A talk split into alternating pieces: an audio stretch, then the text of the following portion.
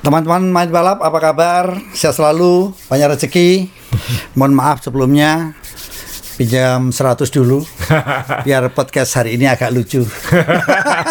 100 apa? Iya kan? Jadi ini cukup menarik karena tiga pembalap yang viral memviralkan pinjam 100 dulu naik podium. Naik podium. Iya kan? Ada Peko, uh, Finales, Quartararo. Cuma yang jadi masalah sekarang ini jadi problem sa, ternyata. Karena apa? Ternyata disinyalir karena Badan Pengawas Keuangan langsung curiga. Kenapa namanya MotoGP sih? GP kan bisa namanya grup pinjol katanya gitu kan. Apa hubungannya dengan tiga pembalap yang uh, sama-sama pinjam 100 dulu, pinjam 100 dulu sementara di Indonesia banyak pinjol yang bermasalah dan meresahkan masyarakat ya kan. Ya. Jadi sekarang ini sedang dilihat uh, oleh Dorna apakah tiga pembalap ini memang di endorse oleh para pinjol di sini. Tapi saya juga lihat pembalap MotoGP itu lebih humble ya. Iya. Pinjamnya cuma 100. Iya. Dan yang pinjam lebih dari 100 eh, 500 ribu itu ada dua eh, Mark Marquez sama satu lagi Marini, Luka Luka apa? Luka Luka Marini, ya. Luka Marini betul. Iya. Kenapa dia kok nggak 100 yang 100 naik podium? Saya 500 kenapa? Saya jatuh untuk pijet Mas. Inilah yang menjadi catatan, Qatar juga masih menjadi catatan karena ada tiga pembalap yang saat ini sedang bermasalah dengan undang-undang pornografi. Yang pertama Russell. Ketika Asa bilang Russell waktu itu membuka helm, kenapa Asa? Ingat nggak waktu balapan kenapa? Baru kali ini saya lihat balapan membuka helm Panasan. panas kan? Iya kan? Kemudian waktu finish eh, kita lihat eh, dua pembalap yang duduk di lantai. Verstappen sama satu lagi Piastri. Piastri. Iya. kenapa? Panas kan? Iya. nah mereka ini tuduh melakukan adegan hot. Jadi mereka kan adegan hot. Karena kalau kata kalau adegan hot ini kan urusan dengan pornografi Baik Ewan Media ini kita akan ngobrol banyak karena ternyata minggu saya baru sadar asa kenapa pakai kaos kota. Saya tadi saya liatin apa hubungannya kita ngomongin Vegas tapi kaosnya kota. Apa hubungannya? Nah, kota ini mungkin singkatan silakan saya. Ini karena memang sirkuit yang salah satu idola kita. Ya, karena kan weekend ini balapannya di Cota ya, uh, Circuit of the Americas, Austin. Austin. Jadi Grand Prix Amerika. Ini biasanya kan kalau libur F1 kita nggak podcast, tapi minggu lalu kita janji kita akan bahas Vegas misalnya. Uh, jadi kebetulan juga minggu dalam tiga minggu ke depannya ada tiga lomba berturut-turut. Iya. Weekend ini di kot di Cota di kota di Austin. Austin, uh, kemudian minggu depannya di Meksiko, Ya. minggu depannya lagi di Brazil. Jadi kita tiga minggu ke depan pastikan mengatur irama tidurnya yang baik karena semuanya dini hari itu. Iya, Sas, tapi ini, ini, ini kita agak agak flashback ke belakang dulu kita sebelum ngomong Vegas ya. Ya. Vegas dan eh, Austin, saya masih ingat kata-kata Asa. Satu kaget ya, kalau saya selalu melihat bahwa Amerika itu adalah kota yang modern, eh negara yang modern. Saya ya, ya. pertama kali ke Amerika itu saya kaget.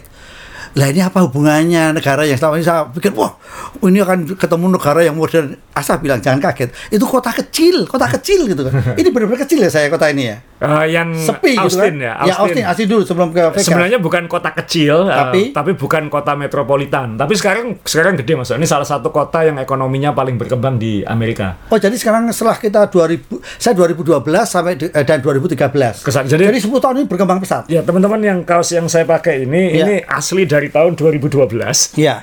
Karena memang eh, Mas Dewa dan saya waktu itu ke Austin tahun pertama F1 mampir ke Austin. Iya. Lomba pertama di Amerika entah sejak kapan. Iya. Eh, kemudian sejak Indianapolis, kemudian di Texas. Iya. Texas kan eh, negara bagian salah satu negara bagian yang paling gede, yang paling berpengaruh di Amerika, tapi kan image-nya cowboy, kemudian eh, apa eh, tradisional seperti itu. Iya. Tapi Austin ini dari dulu memang dikenal sebagai salah satu kota progresifnya di Texas. Eh, malah julukannya salah satunya adalah Silicon Valley-nya Texas. Bahkan Samsung sekarang bangun pabrik semikonduktor nggak jauh dari Austin. Iya. Eh, jadi itu jadi kota hub eh, hub gede memang secara ekonomi dan teknologi Iya. Dan bahwa F1 di situ sejak 2012 kayaknya memang simbolis saja gitu dan ternyata kan MotoGP juga di situ sekarang balapan-balapan gede juga di situ dan selama bertahun-tahun balapan di Amerika hanya di situ sejak hingga diambil alih oleh Liberty baru kemudian ada Miami kemudian tahun ini nanti tanggal 18 November ada Las Vegas Vegas. Nah, Austin sendiri seperti apa? Sampai sekarang tetap jadi salah satu balapan paling populer. Kenapa saya pengen ngobrol soal Las, Las Vegas? Karena pengalaman kita 2012, walaupun itu di Amerika, walaupun itu di Eropa, walaupun itu di negara maju, event tahun pertama pasti ada masalahnya. pasti ada masalahnya Mas Jo. Ya. 2012 dulu kita harus tiap hari harus naik shuttle bus kenapa? Saya sudah booking mobil, tapi waktu itu saking loadnya kebanyakan Penontonnya, mobilnya eh, harus ya. saya ambil di San Antonio. Berarti Oh. jadi saya landing di Austin, mobil saya di San Antonio harus saya ambil eh, hampir tiga- hampir dua ya lebih ya sekitar dua jaman naik mobil Ya. dari Austin dan waktu itu kan nggak mungkin mau diambil pakai apa kayak gitu. Jadi akhirnya kita putuskan yaudahlah kita pakai shuttle aja tiap hari. Tapi shuttle-nya juga belum sempurna Betul. masih chaos kan karena Iya. kan masih baru segala macam nah saya nggak bisa bayangin kalau Austin di tempat yang khusus aja bermasalah apalagi di tengah kota Yang padat. yang begitu padat yang yang kota yang tidak pernah tidur dan selama beberapa bulan terakhir fokus nyiapin F1 itu makanya kalau teman-teman nanya Za kamu nggak pengen ke Vegas? Nggak. Tahun pertama saya pasti nggak mau. Satu saya dulu tinggal di California ha- hampir enam tahun lima tahunan dan beberapa, beberapa kali ke Vegas dan sejak saat itu juga berkali-kali ke Vegas. Saya nggak bisa bayangin chaosnya ketika F1 kayak gimana. Dan mahalnya seperti apa. Jadi saya bilang enggak lah nanti tahun pertama saya mau nikmati di di TV, setelah itu kita lihat eh, tahun berikutnya seperti apa. Ya, Mas Dewa kan juga ikut 2012 dan 2013. 2013 ya. Nah, Waktu itu 2012 chaos, 2013-nya sudah membaik kan? Sudah membaik. Cuman eh, ya ini ada cerita lucu udah berkali-kali kita ceritakan tapi menurut saya ini memang me- menarik ya. Kita kita pulang ternyata shuttle itu eh, shuttle itu dia, eh, ada shuttle tetapi kita mau ke tempat hotel sulit. Iya, karena harus nyambung lagi ya. Nyambung lagi. Iya. Nah, akhirnya sopirnya itu kita nego, kita kasih uang mau nggak nganter mau pakai bis gede cuma berdua. Tapi saya harus menyelesaikan dulu pekerjaan saya sampai jam berapa? 9 kalau nggak salah. Jadi saya itu ikut naik kanan apa menjemput ngantar ke mana itu sampai ketiduran kita tahu asal itu kita diantar ke hotel berdua sama Mas Nantang kan Iya. ya cuman jadi pertanyaan saya tuh kenapa ya ketika asa ke Texas makan steak di sini ini ini sapi-sapi terbaik ada di sini tapi saya tuh selalu saya tuh nggak sampai sekarang nggak bisa habis pikir ya kenapa Amerika itu ide- identiknya dengan steak padahal kenyataannya Amerika itu kalau di Indonesia eh, identik dengan ayam sa Ah, kena Kentucky. Kentucky ayam, Texas fried chicken ayam, California kata dia bilang 6 tahun itu California juga ayam kan. Ini saya juga bingung. Ini di sana suruh makan steak, di Indonesia terkenal ayam gitu. Sa, tapi ini sa, kalau teman-teman punya uang, eh, kalau punya uang ya, sebaiknya kalau di Amerika kan ada tiga. Ya. Yang ditonton dulu yang mana? Kalau menurut Asa ada klasiknya, ada serunya, ada nuansa ini Amerika yang apa ya, yang adem gitu. Kalau kalau teman-teman seneng wisata, party dan lain-lain, Vegas. Vegas pasti ya. Kalau pengen suasana yang unik, pantai, party juga dan apa ya, festif, eh, festival, Iya. mungkin Miami. Miami. Tapi kalau seneng nonton F1 secara balapan, kemudian ingin mendapatkan pengalaman kultural yang berbeda, Texas. Kenapa? Itu Amerika banget. Betul ya. itu Amerika banget. Jadi kita jalan kaki itu masih kayak rumah-rumah yang kayak di film-film yang masih kuno ya, yang halamannya luas gitu kan? Kalau teman-teman lihat scroll di main balap Iya. eh, tahun lalu atau dua tahun lalu, eh, saya sempat naik sepeda di sirkuit Austin. Kalau teman-teman ke channel main sepeda, eh, cari aja itu episode 2021 eh, atau 2022 ketika Iya. kita mampir di Austin gitu. Iya. Karena eh, kota Austinnya menyenangkan. Sekarang sudah nggak kayak 2012, maksudnya sudah lebih gampang semuanya. Oh iya. Kemudian eh, kotanya maju banget, progresif banget. Eh, kalau suka olahraga dinamis banget di situ. Kalau pengennya agak tradisional, eh, itu nggak jauh dari San Antonio, nggak jauh dari Dallas, nggak jauh dari Houston. Paling landingnya kan di Houston kalau Houston ya, iya.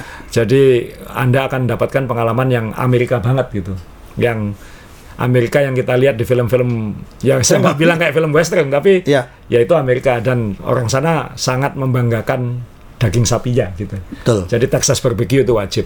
Tapi kalau memang pengen party, pengen suasana yang mewah dan lain-lain Las Vegas. Tapi eh, kalau pengen pengalamannya, saya selalu nyarankan mending ke Austin aja. Dan itu sirkuit beneran dalam artian ditontonnya menarik, Betul. suasananya fokus ke F1-nya, Iya. bukan fokus ke partinya, Iya. bukan fokus ke pantainya. Jadi benar-benar fokus ke F1-nya. Dan itu layoutnya juga paling bagus karena bukan sirkuit jalanan. Iya, jadi Kan- bukit naik turun. Nah, ya. turun kan. Kelihatannya bagus banget, pemandangannya bagus banget ya. Iya, Jadi eh, kalau misalnya ini ya ya Texas. Ya. Oke, Sa, sekarang kita ngobrolin eh, kita ngobrolin Vegas dulu saya ini. Vegas ya, karena kita janji minggu lalu ngomonginnya Ya, Vegas. Vegas, ya. Jadi foto yang pertama saya tampilin pasti ini rendering dari Liberty ya, dari F1 karena Ya. harus diingat kenapa sekarang banyak balapan F1 di Amerika karena di IO sendiri oleh Liberty. Jadi Ya. F1 sendiri yang mengelola, bukan promotor lokal atau apa. Jadi F1 sendiri yang menyelenggarakan. Kecuali Cot Cota ya, yang di Austin ya. yang di Austin itu masih It- it- jadi gini, eh, ini di eh, IO-nya Liberty sendiri. Ya. Selama ini join dengan IO eh, atau pengelola sirkuit. pengelola atau sirkuit lokal ya. atau promotor lokal Ya, begitu ya. Makanya Ya. Singapura itu kan pasti uang pemerintah Singapura. Ya. Eh, kemudian tapi kalau yang di Eropa itu rata-rata swasta sudah karena sirkuitnya biasanya yang yang mengelola dan kemudian ada sistem bagi hasil atau apa dengan Ya. F1. Nah, mungkin Liberty ngelihat lebih untung kalau saya kelola sendiri. Kan ini full kapitalis sudah karena dia kan Amerika banget. Ya. Jadi ya semua dikelola sendiri. Miami contohnya itu dia kelola sendiri. Berhasil ya, ba- berhasil itu. Balapannya saya nggak nggak berani bilang seru atau tidak karena itu tiap orang beda-beda. Saya Ya. sih nggak pernah bisa menikmati balapannya Miami karena sirkuit flat dan lain-lain Ya. biasanya buat tontonan kurang menarik. Tapi sebagai pesta itu luar biasa. Ya. Nah, Vegas ini nanti akan Miami dalam skala yang lebih besar, Lebih lagi. besar lagi. Karena kalau Miami itu hanya kawasan kawasan stadion American football disulap jadi sirkuit, ini satu kota disulap jadi sirkuit. Itu kalau nonton ditanyain nggak, eh, mohon maaf, eh, eh, kartu kredit Anda apa? Oh, saya ini, oh ini hanya untuk American Express gitu, nggak nggak ada gitu. Nggak ada. Nggak ada ya. Ada. Dan yang hebat, dan yang hebat ini kalau kita lihat dari rendering ini aja, ini Iya. Bellagio ya, hotel Iya. Bellagio ini hotel yang teman-teman pernah ke Las Vegas pasti tahu terkenal dengan air mancurnya. Uh, dan ini jalan-jalan di depannya ini yang sekarang jadi tribun ini. Iya. Jalan di bawahnya ini kan salah satu jalan paling populer orang nonton air air mancur dan uh, mungkin jalan-jalan kan ada pohon-pohonnya dan lampu-lampunya. Pohon-pohonnya itu ditumbang di tebang semua. Ditebang semua itu. Ditebang semua. Palem-palem yang jadi ciri khasnya itu. ditebang Ya. dan sebagian kolam ini dijadikan fondasinya tribun. Mau diganti tanaman apa itu nanti? Makanya saya juga bisa membayangkan nanti nanti seperti apa ini. Iya. Itu yang saya ingin tampilkan kenapa saya pilih foto pertamanya adalah ini. Ini ini akan jadi sesuatu yang istimewa. Tapi Vegas ini kan dulunya memang nggak ada apa-apa. Vegas ini dulu kan padang, Padang pas. iya, Iya, padang pasir. kalau lihat filmnya gitu, Bellagio itu termasuk hotel lama Iya, ya. dan ini panas gak ada apa-apa. Iya. Tapi kemudian ya supaya makmur, itu bolehin judi aja di sini. Kalau di bulan judi, siapa tahu uh, uh, kota ini bisa berkembang dan Iya. jadi berkembang. Jadi kan kalau di Amerika itu kan kota itu bersaing untuk jadi kaya kan. Dalam Berkembang ya. Aduh ya ya ya. Saingan saya siapa? Eh, Los Angeles 4 jam ke arah Iya. barat. Los Angeles kan terkenal dengan Hollywoodnya dan pantainya. Lah kita nggak punya apa-apa, ya kita judinya. Jadi orang dari eh, Los Angeles bisa ke sini lah kayak gitu. Iya. Dan itu ya kita harus mengakui ya su- haram atau tidak atau apa, tapi kota ini makmur eh, karena, Karena- judi. Karena waktu itu kata Asa tadi memang kota yang terpencil karena 4 jam baru ke mana tadi Sa? Los, Los Angeles. Los Angeles. Jadi nggak mungkin istri para para istri para ngejar ke situ 4 jam loh. Iya kan? Aman ya. Jadi ya julukannya Sin City, kota dosa dan lain-lain ya, ya dia bangga dengan itu ya. ya, teman ini gara-gara event ini eh, artis Indonesia yang lagi melejit gagal diundang di sini. Bang Haji Roma Irama karena lagunya nanti Mira Santika, judi judi wah dilarang. ya. Tapi ini akan jadi apa ya eh, eksperimen event yang luar biasa karena F1 pasti bekerja sama dengan asosiasi kasino ini dengan Ya. bisnis setempat dengan pemerintah setempat. Kabarnya mereka investasinya seharusnya 400 juta dolar untuk menyulap bikin sirkuit ini Ya. 400 juta dolar itu berarti berapa? 400 juta dolar. Berapa triliun saya? 6 triliun ya 6 triliun Iya. lebih kemudian eh, tapi mereka sudah menghitung kalau ini jadi economic impact-nya adalah menghasilkan 1,2 miliar dolar Tik- eh, Hampir tiga kali lipat. tiga kali lipat ya, Ya, tapi kan eh, hal kecil ya karena A- A- Asa ini IO, saya juga IO. Bayangkan pohon palem yang menjadi ini hal kecil aja pohon palem menjadi ciri khas dihilangkan itu pun menurut saya loh izinnya itu kan RT RW waduh waduh banyak tapi banget. kalau pemasukannya tiga kali lipat kan tinggal tanam lagi aja nggak masalah nah itu ya kan Karena- selama ada uang nggak masalah Nah, itu yang itu yang kadang-kadang eh, ki- kadang-kadang hal-hal semacam yang kita contoh. Kalau memang ada eh, konsekuensi dikembalikan lagi, oke gitu. Oke aja, Tapi iya. nggak usah rumit gitu. Nggak usah rumit, Iya iya. kan? Duit Iya. ini bareng-bareng kan. Oh iya iya. Ya, kalau misalnya event ini mungkin 400 juta dolar itu kan pasti patungan kan, pasti Iya. F1 keluar uang, kota, kota Las keluar Vegas uang, keluar iya. uang, kemudian eh, asosiasi bisnis di Las Vegas pasti keluar uang kayak gitu. Tapi nanti mereka kan bila bisa bilang nanti kalau ini kembali kan juga baik gitu. Betul. Dan kita bisa bikin ini lebih baik lagi, lebih hijau lagi kan. Selama ada uang yang diputar itu kan tidak masalah. Siapa tahu ini titik balik mereka untuk kembali ke jalan yang benar. Jadi selama ini judi, eh ternyata Ewan hasilnya lebih banyak. Udah judinya nggak usah sekarang Ewan saja gitu. Siapa tahu mereka kembali ke jalan yang benar itu. Nah ini juga ironis Mas Dewa karena Ya. ini menyulap satu kota jadi sirkuit Gila karena ya, gila ya. balapan F1 terakhir di Ya. Las Vegas itu tahun 82 82 ini seperti ini 82. ya 82 dan itu di parkirannya Caesar Palace. Oh, Jadi satu kasino doang Ya. itu parkirannya dipakai untuk balapan F1. bayangkan ini tahun 82 hanya parkiran. Eh, ini yang ini tahun 81 ya. Oh, sorry. Ini 81 82. Ter- jadi dua Iya, tahun sempat. Dua tahun ya, tapi ini parkiran. ini parkirannya Sekarang kota. satu kota Ya, downtownnya Ya, ya, kawasan kecamatan lah.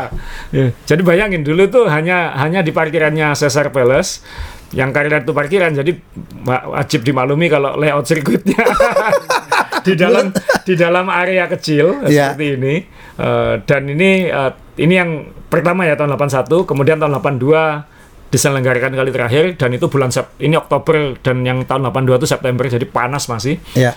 Eh, waktu itu balapan di tahun 82 itu adalah ketika Keke Rosberg mengunci gelar karena itu lomba penutupnya adalah tahun 82 Oh. dan itu adalah balapan terakhirnya Mario Andretti di F1 Wah. tahun 82 Pertanyaan saya sah, ada tulisan Datsun gitu ya. nah itu dia ini apa ini?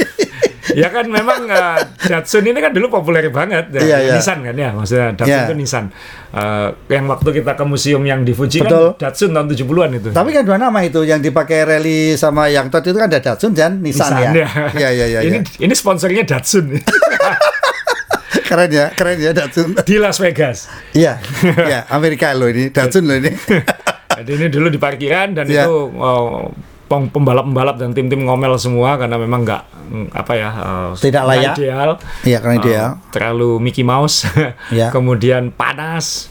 Eh, ya intinya nggak anu lah dan sulit dipercaya sekarang tahun 8 saya tampilin layoutnya ini tahun 2023, 2023. nanti November 18 seperti ini. Ini dan yang hebat adalah yang dipakai dilewati ini adalah Las Vegas Strip ya. Jadi jalan utamanya. Iya. Itu kan double ya kalau nggak salah ya. Ya, double kanan kiri. Iya, betul. Jalan utamanya ini yang digunakan sebagai balapan. Jadi bukan di pinggir kota, bukan di uh, Ya. perumahan mana, bukan di. Enggak, jalan utamanya. Itu sama kalau di Jakarta dijadikan sirkuit, Sudirman dan Tamrin Ya. dijadikan sirkuitnya. Keren ya, keren ya. itu bisa dibayangkan chaos pembangunan persiapannya seperti Betul. apa. Karena uh, satu pasti kita kompleks aja ya, aspalnya bagaimana. Betul. Itu dikeruk lagi katanya 20 cm lalu dibangun lagi aspalnya. Sepanjang keliling ini. Tapi setelah ini mereka punya aspal eh, skala apa F1. istilahnya? Iya. Iya. F1 ya. Iya, dan nanti tinggal paling ngerapiin-ngerapiin aja tahun-tahun berikutnya. Kemudian dia eh, F1 mengakuisisi satu kawasan, dibeli tanahnya. Bukan F1 ya, berarti holding company-nya Iya. F1 ya, Liberty ya. Beli tanah di sini. Ini kemudian dibangun pedok, eh, eh, ikut panas saya, dibangun pedok khusus. eh, jadi start finishnya nanti di sini, bukan di strip, tapi di sini. Jadi kawasan ini nanti kalau tidak dipakai F1 bisa dipakai untuk yang lain-lain juga.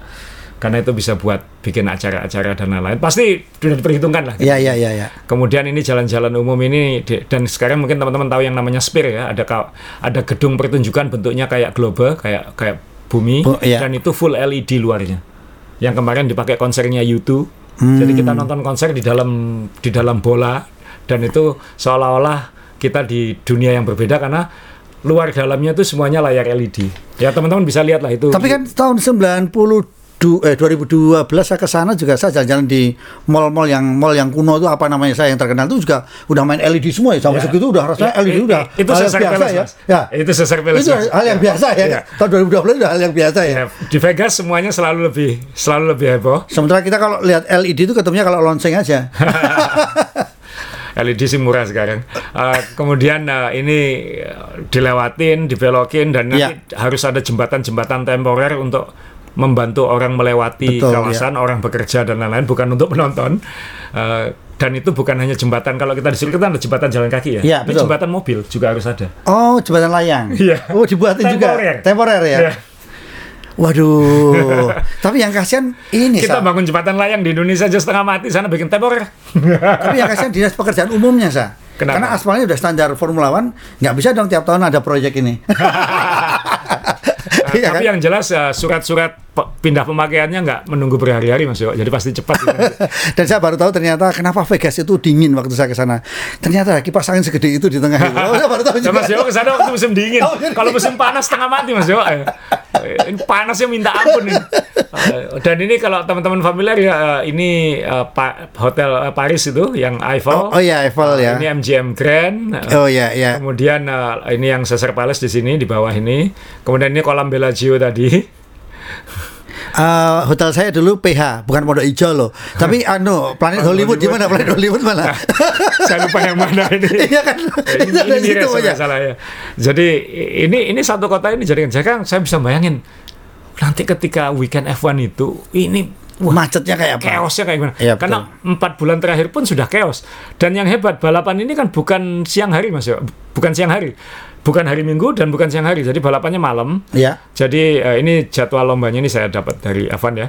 Jadi opening seremoninya Rabu malam, Rabu malam. Eh, Sudah dimulai Rabu dari mulai ya. Ya, kemudian Rab- eh, Kamis malam babak latihan Iya. 1 dan 2. Biasanya Jumat. Dan ini hebatnya kalau dilihat jamnya ini jamnya Las Vegas ya. Ya. Babak latihan 1 adalah jam 8.30 malam sampai 9.30 malam. Babak latihan 2 tengah malam sampai jam 1 dini hari. Gila ya. Ini waktu Vegas bukan waktu kita ya. Ya, ya, ya. Kita siang. Kita siang. Kemudian hari eh, Jumat babak latihan kedua adalah jam 8.30 malam sampai 9.30 malam. Iya. Babak kualifikasinya Tengah tengah, malam. malam sampai jam 1 pagi. Ini waktu Vegas. Vegas. Jadi tengah malam baru qualifying. Kemudian eh, balapannya adalah hari Sabtu jam 10 malam start. Dan ini saya ngilang hitung-hitung. Sebentar dulu. Ini kan waktu Las Vegas. Waktu New York jam 1 pagi startnya ini. Us. Jadi orang Amerika sendiri kalau dia ting- tinggal di pantai timur, dia harus melayaan untuk nonton Las Vegas Grand Prix. Karena ini kan waktu barat. Betul, Sa. Betul, betul, betul. Jadi Sa. orang New York itu harus bang, harus nonton jam 1 pagi sampai jam 3 pagi untuk nonton balapan. Sedangkan kita di Indonesia Enak-enak ini aja. nontonnya minggu pagi. Nah, saya sebentar, saya, saya, saya tadi mikir, saya, saya cuma kasihan adik kita Yuki Tsunoda ini. Apa gak jet lag dia biasa tidurnya kan? Dia Jepang tidurnya kan, jaraknya kan panjang juga kan? Nah, pertanyaan saya, eh, kenapa mereka mengambil tengah malam? Apa per- apa pertimbangannya? Ya mungkin juga satu mungkin uh, mengurangi risiko traffic pasti ya. Karena kan kalau tengah malam mungkin mo- mobil-mobil orang kerja sudah nggak ada Iya, kayak betul. gitu. Uh, tapi kan ini Las Vegas, so, kasino kan buka 24 jam. Sudah terbiasa melean mereka ya? Sudah terbiasa melayan. Ada industri malamnya lebih besar daripada industri siangnya. Iya. Tapi yang kedua pasti tayangan TV di negara-negara lain Iya. seperti Asia pasti lebih baik, rating TV-nya mungkin lebih mudah, mungkin di Eropa juga lebih Lebih baik. baik, kan, ya. kan di Eropa kan itu berarti pagi kan ya? Ya. Pagi eh, buat kita agak siang. Nah ini pasti ada hitungan dan ini ini unik. ini orang Amerika sendiri suruh suruh melean untuk nonton. Nah, yang jadi pertanyaan adalah cukup menarik adalah Sabtu itu biasanya kan memang kuncinya balapan kan itu ada qualifying atau sprint. Ya. Kalau di sana dikosongkan karena malam minggu orang buang duit ke kasino ya.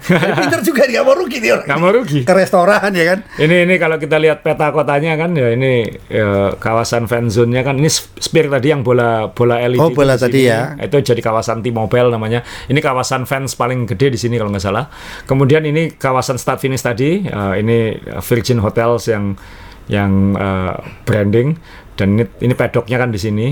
Eh, di sebelah kanan ini yang merah. Kemudian ini fan zone 2 yang paling utama di sini. Jadi memang stripnya kan di bawah sini yang yang hotel-hotel terkenal itu di bawah sini. Jadi fokus-fokus acaranya memang di bukan di strip tapi di kawasan di atas ini. Oh, dulu kalau saya nginepnya telat ya kenapa nginepnya di Planet Hollywood baru tahun 2012. Kalau sekarang kan bisa lihat tuh dilewatin tuh Planet Hollywood itu. Iya.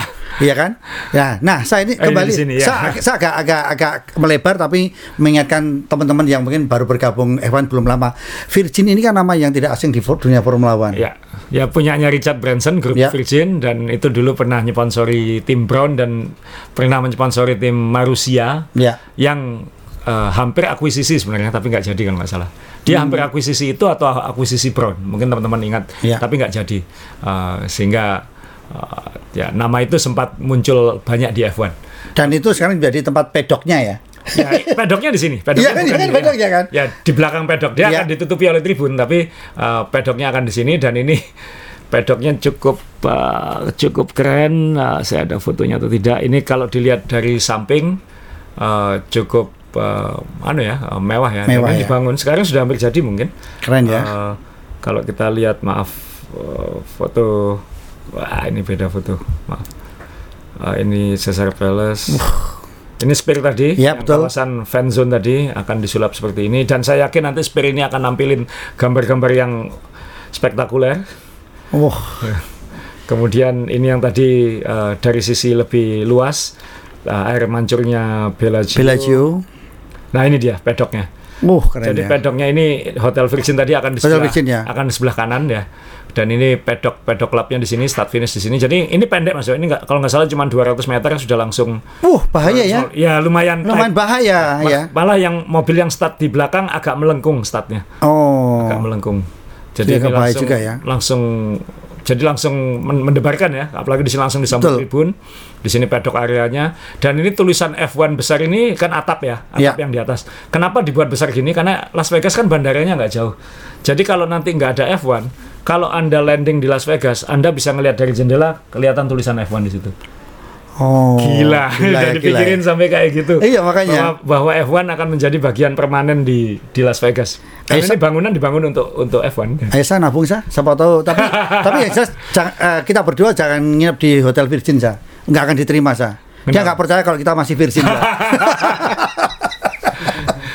tapi menarik Saya, ini. saya, saya nggak tahu saya lihat karena saya kalau nonton F1 saya termasuk purist nonton F1 karena F1-nya bukan partinya kalau gini biasanya malah hektik malah nggak fokus ke F1-nya itu yang Dan ini yang yang datang jangan kaget ya kalau nanti yang datang pakai baju Wah. eh, F1 belum tentu ini party semua. party semua ini Iya party kan. semua ini jualannya jualan party kok bukan Iya, jualan iya. F1 Nah, ini yang ketika proses dibangun uh, dan sekarang mungkin sudah jadi ya ini foto bulan beberapa bulan lalu ini sedang dibangun pedoknya tadi tulisan F1-nya itu di atas ini Ya ya ya ya. nah ini ini Oke, Sa, sekarang kita agak agak santai dulu ya. Saya juga shock ya. Ini kota, teman-teman. Kota yang eh, kalau kita ngomong ini adalah eh, banyak mengandung icon. Kalau dengan icon kan untuk merusak, merubah dan sebagainya itu kan wah itu kan MOU-nya luar biasa gitu. Ya. Nah, saya ini sekarang kita ngomong eh, skala bisnis.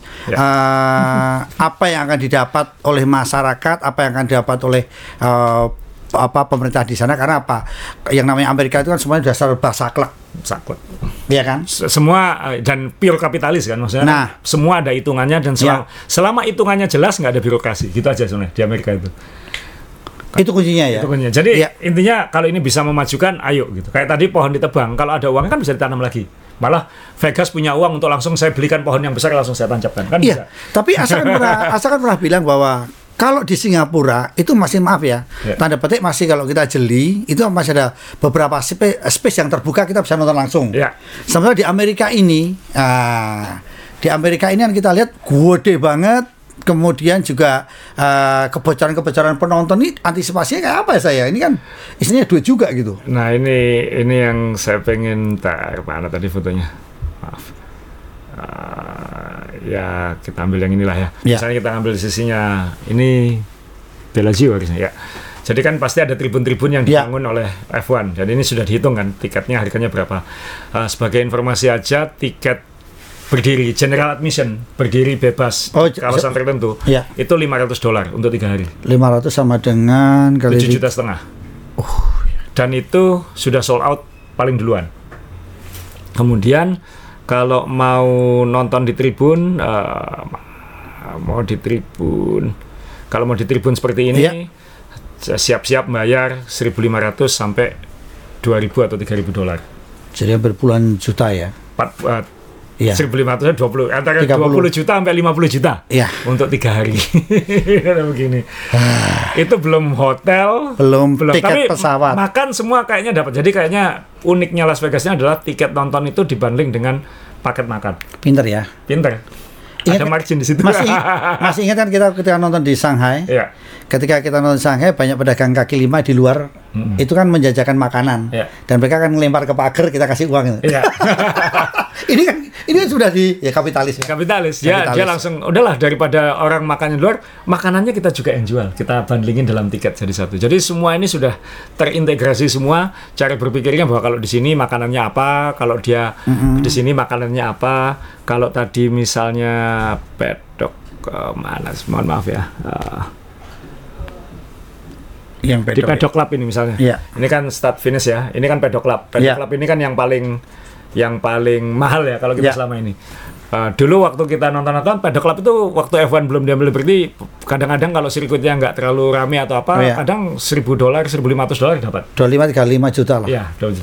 tapi ya kemudian um, minimal jadi 4000 5000 dolar which is 75 juta 100 juta untuk bisa di Uh. Bisa di pedok ya. Dan apa benefitnya di pedok club itu pasti dapat pit walk, Iya. kemudian uh, ada meet and greet, Iya. pembalap akan naik, Iya. nyapa, ngobrol bareng, Iya, iya. kemudian makanannya pasti makanan yang, Yang kelas, bawah, yang kelas, hotel, ya. dilayani semua, Iya. bisa naik ke atas sini nonton, Iya. Uh, intinya dapat akses aks- akses akses, mungkin tur garasi tergantung pedok clubnya itu afiliasi ke tim mana. Ke tim mana betul. Softwarenya juga softwarenya juga tergantung tim mana ya. Ya. Mas Dewa pengen tahu harga pedok clubnya Las Vegas? Berapa saya mungkin saya masih ada uang sisa. teman-teman semua harga pedok club di Las Vegas minimal 20.000 dolar 25 ribu dolar sama dengan 20.000 dolar 2000 dolar sama dengan 300 300 juta ya Allah. untuk satu orang bisa ada di sini Kalau misalnya barter dengan mobil saya Agia nggak bisa ya, nggak nyampe ya. dan, dan sebenarnya hotel-hotel ada yang jual paketan juga eh, misalnya ada yang jual kalau nggak salah eh, berapa juta dolar gitu dapat suite eh, kemudian dapat fasilitas macam-macam transportasi segala macam Oh, jadi yang menghadap ke jalan atau ke Betul. trek itu ada harga khusus. ada harga khusus ini saya ada ini brosur-brosuran sih saya lihat Iya, iya. ini ada nah yang paling mahal adalah paket 5 juta dolar 5 juta dolar seta oh, 5 juta dolar. Saya hitung lah. 5 juta dolar itu berarti 75 miliar ya itu itu termasuk 5 malam di Caesar Palace Caesar Ya. Palace oh ini nggak ada di sini Caesar Palace tadi yang mana Yang tinju tadi ya. iya. Caesar lima malam di Caesar Palace di Sky Villa. Jadi Nobu Sky Villa. Jadi kamar yang dalamnya ada tiga kamar tidurnya. Jadi satu paket. Kayak apartemen gitu ya. Kayak apartemen. eh, kemudian dapat VIP ekstra segala macam. Bisa nonton langsung di long- view-nya langsung Iya. kelihatan semua. Iya. Kemudian eh, itu dan bisa menampung 75 orang sih kalau mau. Oh, jadi bisa urunan ya. Bisa urunan. Tapi satu miliar jatuhnya. Iya, Lah, iya, satu miliar. Ya, bisa ngitung Mas Joko. Saya baru. Bojo. Tetap satu orangnya satu miliar ya. maaf, maaf, maaf, saya ralat eh, kata-kata saya di eh, Jepang kemarin tidak masuk akal. Waduh, satu miliar. Satu miliar ya. Itu rumah tipe 36, 36 kap A itu. ya itulah. uh, Aduh. Dan sebagai bandingan jadi harga Monaco jadi nggak ada apa-apanya. Ya, teman-teman mewakili main balap, terima kasih kepada Bein Sport. Kali ini. Kali ini. Tapi jangan nakal ya pas balapan ini ya. Ini balapan mahal, jangan nakal lagi ya. Dan itu luar biasa. Luar biasa ya, Tapi saya. memang kabarnya sih ini bah, belum sold out ya, karena mungkin persaingan F1 uh, tidak tidak seseru yang Yang diharap, dibayangkan. ya ya, karena udah kunci gelar. Udah kunci gelar dan kemudian juga mungkin uh, ngepir semua tahu tahu Harganya. jadi langsung ngepir ngepir semua langsung langsung mundur. Uh, tapi kita lihat uh, untuk warga Las Vegas dikasih uh, harga khusus. Ya. Oh, supaya akhirnya. nggak ngamuk. Iya, iya. harga khususnya berapa? Masih uh, masih 200 dolar. 200 dolar sama dengan 3 juta. Oke lah masuk akal. Oke lah, oke lah.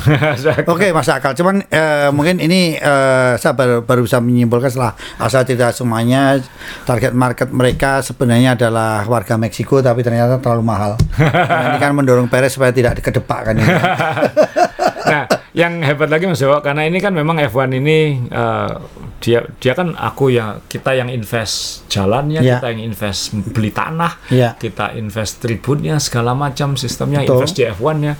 Yang enak kan yang kafe-kafe yang di samping ini. Kalau Mas Dewa ke strip kan pasti tahu kan. Ini Ya. kan Paris ya di kiri. Ya, Kelihatan ya, ya, ya. Parisnya ini Cosmopolitan, ini Bellagio. Di seberang ini kan banyak kafe-kafe, restoran Ya. ya kan kayak gitu. Mulai restoran mahal, mahal, mewah sampai ke fast food. Kan ada semua di sini. ya. Nah, yang dilakukan oleh F1 adalah mereka ini kan kok enak gitu. Jadi kepada tempat-tempat ini khususnya yang punya view ke sirkuit Langsung itu langsung di dari awal sudah didekati. Kamu mau kalau bikin acara ketika F1 satu orang yang datang ke tempatmu kita cas 1.500 dolar. padahal tuh uh, warteg ya. Ya, ya pasti bu- ya sini semua pasti mampu sewa mahal lah. Iya. Jadi pasti bukan warteg juga. Jadi agak pasti warteg lah. Iya. Untuk kelas itu agak warteg Ya, lah gitu kan. wartegnya Vegas. Iya, Tapi, wartegnya ini Vegas pasti, gitu. Ini pasti ya kafe-kafe yang sewanya pasti Mahal mahal juga. selangit juga. Betul. Nah, satu orang 1.500 dolar. Uh, Kalau kamu nggak mau bayar 1.500 dolar, saya tutupi pakai reklame.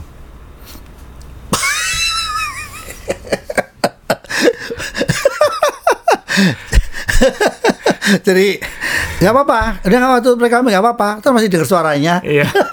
Lo ini reklame yang ada suaranya. Dan itu Jadi sedetail ini saya. sedetail itu Sedetail itu sampai ya? hal-hal kecil itu semua dipikirkan oleh Liberty oleh F1 Uh, dan anda belum tanya kan itu lampunya gimana balap malam jadi sekarang mereka kalau kita ngeliat rigging itu kayak rigging kayak rigging panggung sebenarnya rigging panggung Iya, iya, iya, kanan tapi kiri. sekeliling sirkuit Di kanan kiri, ya kan kanan kiri. 6 kilo 6 kilo dikasih reject semua. Nah, ya teman-teman untuk yang suka nonton main balap, khususnya untuk cewek, jangan cari cowok yang namanya belakangnya pakai Vegas. Wes, Pasti matre wes. Oke, Sa, ini eh, kalau kita ngomong Vegas, ada Miami, ada Austin, asal sudah memberikan perbedaan Austin kayak apa, Miami kayak apa. Saya yang bisa nggak nggak mengerti ini kondisi ekonomi global juga lagi lesu dan Betul. sebagainya. Ini kok tetap berani dengan cara seperti ini? Ini kan apakah memang benar Liberty itu menunjukkan bahwa kami bukan main-main? Um, sebenarnya ini kan sudah di planning pasti beberapa tahun yang lalu kan. Ya. Kan ketika pandemi kan booming banget waktu itu F1. Ya. Uh, sehingga pede-pede aja dan waktu itu mungkin ada kekhawatiran juga di Las Vegas bagaimana kalau ini sepi terus segala Ya. macam. Jadi kalau ada yang berani invest besar mungkin kita ambil saja. Jadi Ya. pasti seperti itu. Uh, tapi ya memproyeksi tiga tahun kemudian kan kita nggak tahu seperti apa dan sekarang situasi ekonomi global kan memang sedang agak lesu. Ya. Uh, tapi ya ini ini Las Vegas ya kita lihat ini akan jadi bukan hanya sekedar eksperimen sirkuit level kota terbesar dalam sejarah dunia. Monaco nih eh, nggak Iya. ada apa-apanya. Monaco nggak ada apa-apanya dengan ini. Uh, eksperimen uh, penyelenggaraan event terpremium mungkin di dunia dengan kemahalan tiketnya segala macam. Uh, dan akan jadi studi untuk kota-kota lain juga economic impact-nya seperti apa? Benar nggak ini menghasilkan seperti yang diharapkan bukan hanya F1 tapi Las Vegas secara keseluruhan. Iya, iya, iya. Dan iya. saya juga sangat menunggu itu karena uh, kabar terakhir kosnya jadi yang saya ikuti adalah bukan baca berita-berita dari situs F1 Mas Dewa, tapi dari media-media lokal. Iya, iya, iya. itu kosnya sudah naik dari 400 juta ke hampir 560 juta dolar. Iya. Uh, kosnya sudah naik. Uh, apakah itu berarti nanti re- potensi revenue-nya juga tetap sama 1,2? Uh, tapi kan masih oke lah, keluar 560 dapat 1,2 kan masih, Masih oke. oke, ya. Kalau secara hitungan bisnis Masih masuk. oke dong, maksudnya sangat oke. lebih dari Ya, dua ya. kali lipat. Uh, cuman nggak lagi tiga kali lipat seperti sebelumnya. Iya, iya. Nah, apakah itu akan terwujud? Uh, dan pasti nanti akan ada survei, pemerintah lokal pasti akan survei bagaimana dampak ke bisnis-bisnis lokal. Karena kan bukan sekedar F1 dan yang gede-gede aja ini yang dapat. Iya. Nanti misalnya uh, restoran-restoran yang jauh dari sini apakah juga menuai Pasti akan mulai juga ya. Kemudian warga Las Vegas apakah income-nya bertambah? Iya. Karena ini income itu kan bisa aja misalnya usaha-usaha yang Nyewain kamar. ya kamar kemudian uh, apakah itu uh, guide apa Iya. segala macam apakah itu akan bertambah sewa Iya. mobil Iya. uh, pasti semua akan akan Akan berdampak. di- Kita lihat dampaknya ya. kita lihat dampaknya Ya. Kayak yang pasti kasino-kasino pasti tahu lah yang yang main juga nambah atau tidak Iya. atau jangan-jangan ke F1 tapi yang main judi nggak nambah Ya. tapi kalau itu misalnya kamarku kepake kan juga nggak apa-apa kayak gitu. Kamar-kamarnya ini kan ribuan semua nih, MGM Betul. 6000 kamar. Jadi mereka pasti akan menghitung itu semua dan saya akan sangat lebih tertarik kepada itunya daripada balapannya gitu. Ya kalau balapannya kita lihat kalau ini sirkuitnya flat tidak oh, ya, Iya. sekali lagi Austin sangat bervariasi, sangat variatif. Kalau ini memang flat ya saya. Ya kayak Miami, mohon maaf, ya, Ya. balapannya kan saya nggak tahu tiga tahun lagi, dua tahun tahun depan apakah masih orang senang nonton balapan Ya. seperti itu. Eh, dia beruntung di awal musim karena persaingan perebutan gelarnya masih masih open gitu. Ini kan sudah Sudah terkunci gelar. sudah terkunci gelar Iya. eh, dan ini banyak lurusnya dan itu kekuatannya Red Bull. Terus pahlawan hero lokalnya juga sering nabrak gitu. ya itu dia. Iya. Nah ini yang akan akan kita tunggu. Termasuk nanti input dari media-media eh, F1 yang memang biasanya datang untuk F1 seperti apa karena F1 ini punya kebiasaan sekarang datangkan influencer juga Iya. yang yang bukan F1 dan itu sempat diprotes pembalap juga kan karena ini bikin suasana pedok jadi nggak nyaman gitu. Iya, betul sah. Nah. Betul betul betul. Dan eh, kalau kita bicara agak mundur eh, tadi asal membandingkan antara ini Monaco dan ini adalah Vegas. Monaco sudah turun temurun ya, kita Iya. udah tahu ya. Iya. Ini Vegas ini kalau ini kan sesuatu yang dibangun di era ini. Iya. Nah, sebagai orang yang berkecimpung di dalam bisnis, nah, ini yang jelas ini lebih besar, lebih berisiko, lebih sulit dibanding yang turun temurun. Tapi pasti ya. Tapi yang jelas prinsipnya adalah saking gedenya nggak bisa rusak. Maksudnya sa- saking besarnya nggak bisa gagal. Mungkin kayak gitu. Hmm, Kan ya, pasti pasti Evan sudah menghitung ini investasiku di sini pasti Betul. Pasti ada nilainya ke depan nggak Ya. masalah ya. Ya. kan? Mungkin kalau nggak jadi sirkuit nanti jadi F1 kasino mungkin. saya, saya jadi mem- membayangkan eh, bisnis bank di sana ya. Kan ini kan kota. Ya. Berarti kan punya kalau di kita ini pasti BPD-nya kan kuat sekali mereka ya. Iya, membiayai kan juga pasti BPD juga kan. ya mungkin ini swasta lah. Ini ini yang Murni malah swasta ya- yang ya? paling kuat kan pemilik-pemilik kasino ini kan yang paling kuat. Eh, maksud Ini loh Bapak Ibu saya kalau masih sugeng loh dulu, dulu kita tuh suruh ke negeri kuliah di negeri sekolah di negeri ini nyatanya saya bilang swasta lebih kuat gitu loh. Iya. Kenapa nggak di swasta aja dulu? Sa, jangan swastanya dipersulit ya. Sa, Sa, ini eh, oke Sa. Boleh nggak melebar eh, lagi eh, karena ini nanti impact lagi ke tim baru yang akan masuk dan sebagainya. Ya. Apakah itu akan memperkuat karena ini kita siaran podcast ini jam 10 sampai jam 11 dan hari ini sama-sama semua lagi Kadiak lagi menunggu keputusan MK kan ini. nah, dampak-dampak itu dipertimbangkan kan? Kalau nanti tim lokalnya itu sebenarnya ini juga salah satu untuk mendorong tim baru yang dari Ya. lokal. Jadi eh, geser gosip soal tim Andretti. Ya. Eh, saya pasang fotonya Andretti aja. Jadi update-nya adalah kan mungkin teman-teman sudah tahu FIA sudah meloloskan Andretti untuk bergabung di F1. Tinggal bagaimana Andretti nego dengan F1. Ini mungkin saya ada koreksi sedikit Mas Dewo. Kan selama ini kita selalu ngomong dan menggaungkan sehingga mungkin pemahamannya adalah Andretti harus menemukan kesepakatan dengan semua tim Ya, itu enggak 100% akurat. Andretti harus menemukan kesepakatan dengan Formula One Management. Jadi uh, dan ini ditegaskan oleh uh, Muhammad bin Sulayem, Presiden FIA. Loh, Andretti itu nggak perlu persetujuan tim-tim. Tim-tim itu nggak punya hak untuk menyetujui. Yang berhak menyetujui itu FOM, Formula One Management dalam hal ini Ya. Liberty. Nah, Liberty memang memang FOM selama ini bekerja untuk menyenangkan tim-tim. Jadi lebih ke secara politis tim-tim ini menekan FOM untuk kompensasi. minta uang lebih ke- Kompensasi, ke, ya. Andretti. Tapi Ya. secara resmi tim-tim tidak bisa menolak. Yang bisa menolak FOM. Jadi ini berubah ya saya dibanding dengan, dengan dulu selalu uh, tim-tim ini punya kekuatan untuk menekan Iya. penyelenggara. Iya. Ya, dulu siapa? Bernie Ecclestone. Ya, Bernie ya, misalnya Ya. gitu. Ya. Sekarang enggak ini. Ya sekarang lebih balance saja. Lebih balance saja. Jadi sudah nggak ada urusannya lagi dengan tim-tim. Se- sebenarnya dari dulu sebenarnya sama Mas Dewa. Cuman dulu kan uh, FIA-nya Max Mosley, formnya Bernie Ecclestone, Iya. ini kong kali kong neken tim. Ya. Yang sekarang, jadi sekarang kan FIA-nya terpisah, form ini sekarang lebih ramah ke tim-tim kayak gitu aja. Karena formnya swasta sekarang, swasta murni kayak gitu. Ya, ada yang DM ke saya, saya mau tanyakan ke Mas Asa kata itu, cuman saya lupa namanya. Yang jelas bahwa katanya selama ini pembagian rezekinya kan 1 sampai 10 misalnya. Ya. Kalau ini 11 terus gimana? Yang satu apa nggak dapat Ya. dia si Andretti ini misalnya? Kalau Kun- dia belum kunci kunci ini semua adalah itu.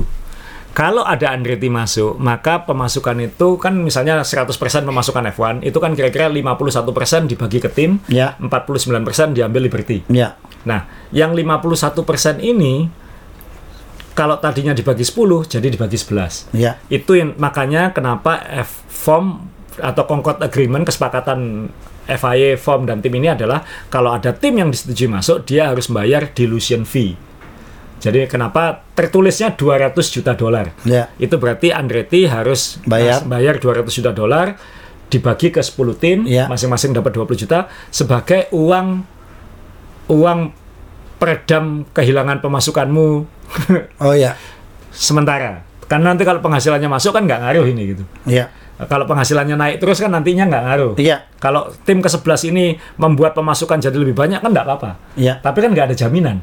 Nah, sebagai jaminan 200 juta dolar ini yang akan Harus di, di- harus di- itu wajib dibayarkan ya. Nah, yang diminta tim-tim sekarang kalau bisa ke 600 juta. Oh, Maya. Itu sebenarnya ya. Ya, jadi memang ada pemayaan di sini gitu Iya. kan. Dari 200 menjadi 600. Iya. Nah, jadi yang eh, maaf sa. Berarti tim ini kan tetap kondisi apa pun selain menerima rezeki pembagian tadi kan harus kreatif mencari sponsor. Iya. Ya, trade sponsor itu kan di luar F1. Ya, itu kan memang harus kreatif tim kan untuk Iya. untuk mendapatkan apa istilahnya sponsor karena kalau kita lihat bahwa tim-tim besar seperti Ferrari, Mercedes itu kan nyari sponsor gampang sekali Iya. gitu kan. Nah, Andretti ini kan juga bilang, aku ini ada General Motor di belakangku, Cadillac.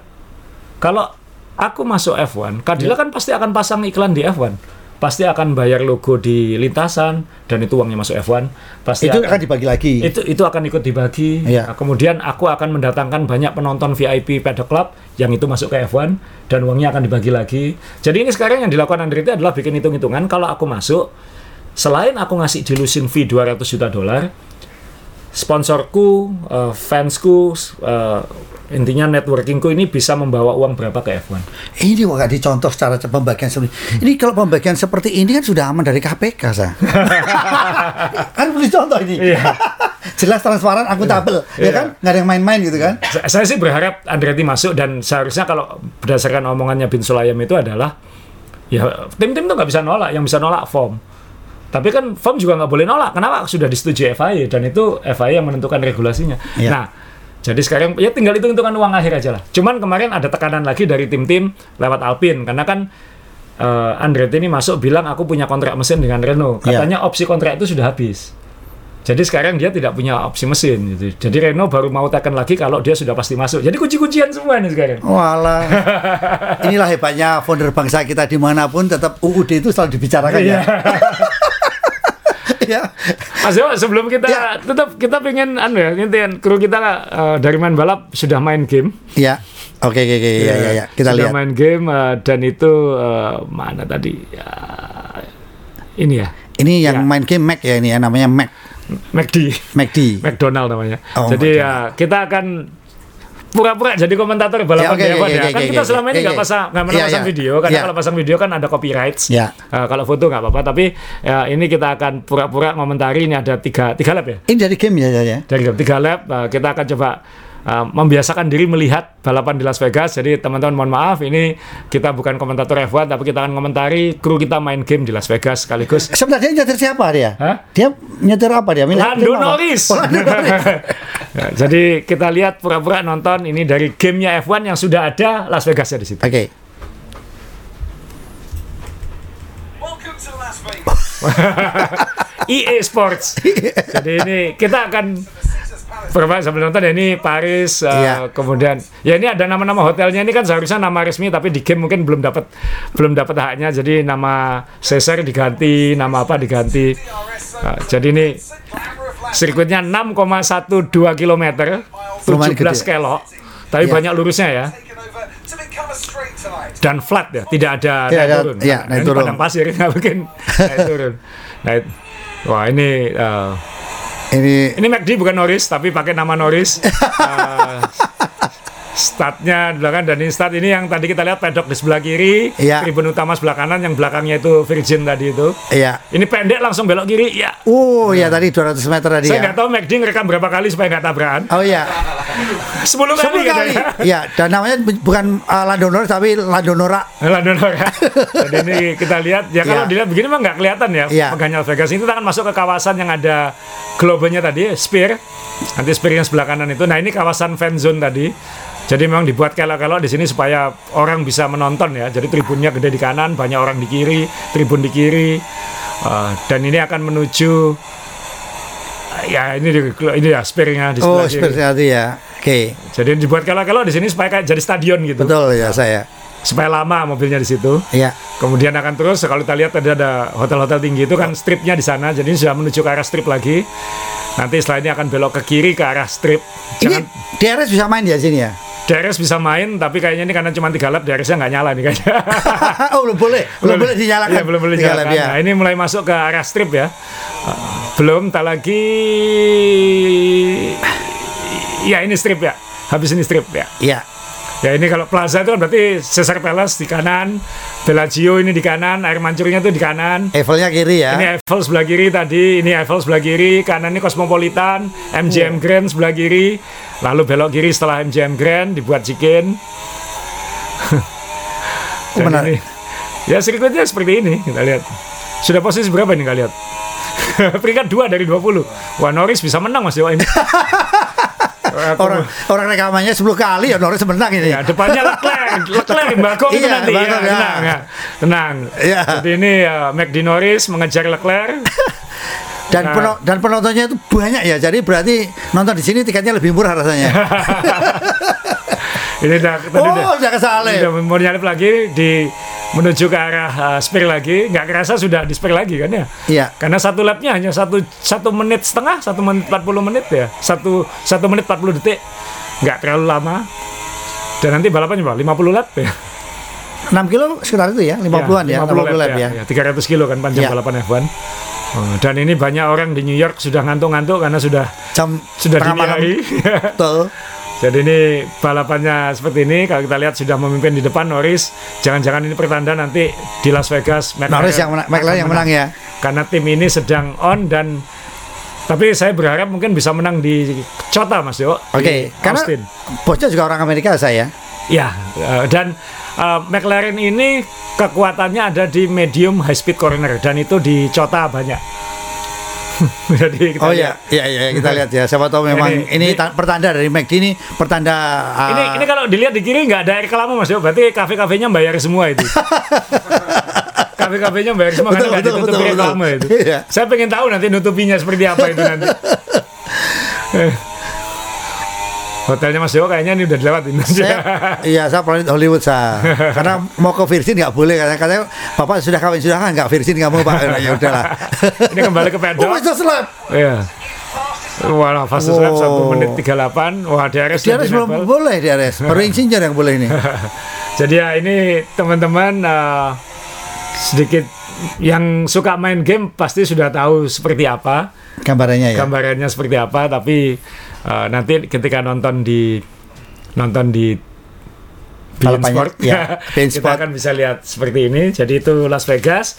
Yang mungkin kita bersyukur kita nggak perlu beli tiket harga puluhan juta atau miliar untuk nonton Las Vegas ini. Kecuali kita langganan saja sebelum kita tutup eh, teman-teman ini ada satu hal yang mengganggu mata saya. Kemarin hitam sama hitam ini ada emasnya ini Ya ini ada karena ada lima model sepatu asa Iya. aktif itu. Iya. Jadi yang ini yang klasik namanya karena modelnya kayak sepatu lari klasik. Ini kalau yang suka eh, jalan kaki jauh atau apa ini mungkin model yang cocok di, Iya. di azaware.com atau di azaware di Tokopedia atau di Shopee ada. Eh, dan nanti eh, sebelum akhir tahun sepatu basket saya keluar yang asa Iya. 7. Nah, kalau anda beli, ingat ya kalau kita eh, apa kita bikin podcast ini sekitar jam 10 11 jadi anda beli langsung duduk di depan aja nih cegat minta tanda tangan mas. oh di bawah ada tokonya. Iya. Azaware ada di, Di- kalau di Surabaya ada di Pakuan Mall Iya. sama di Surabaya Town Square. Ya. Ya, jadi kalau kita kan studio kita di atas eh, tokonya Asa. Jadi kalau Anda beli, tunggu aja di luar. Mas tanda tangan Mas, saya ajarin. Baik, eh, Asa terima kasih, teman-teman terima kasih. Dan jangan lupa eh, teman-teman atau sahabat atau teman main balap selalu jaga kesehatan, selalu berpikir, berpikir positif. Karena tiga minggu ke depan bakal melean ini. Ya, kita harus stamina, berpikir positif untuk laki-laki, kalau yang perempuan jangan. Karena nanti 9 bulan 10 hari nanti bebannya. Sekali lagi terima kasih, sampai jumpa dan salam.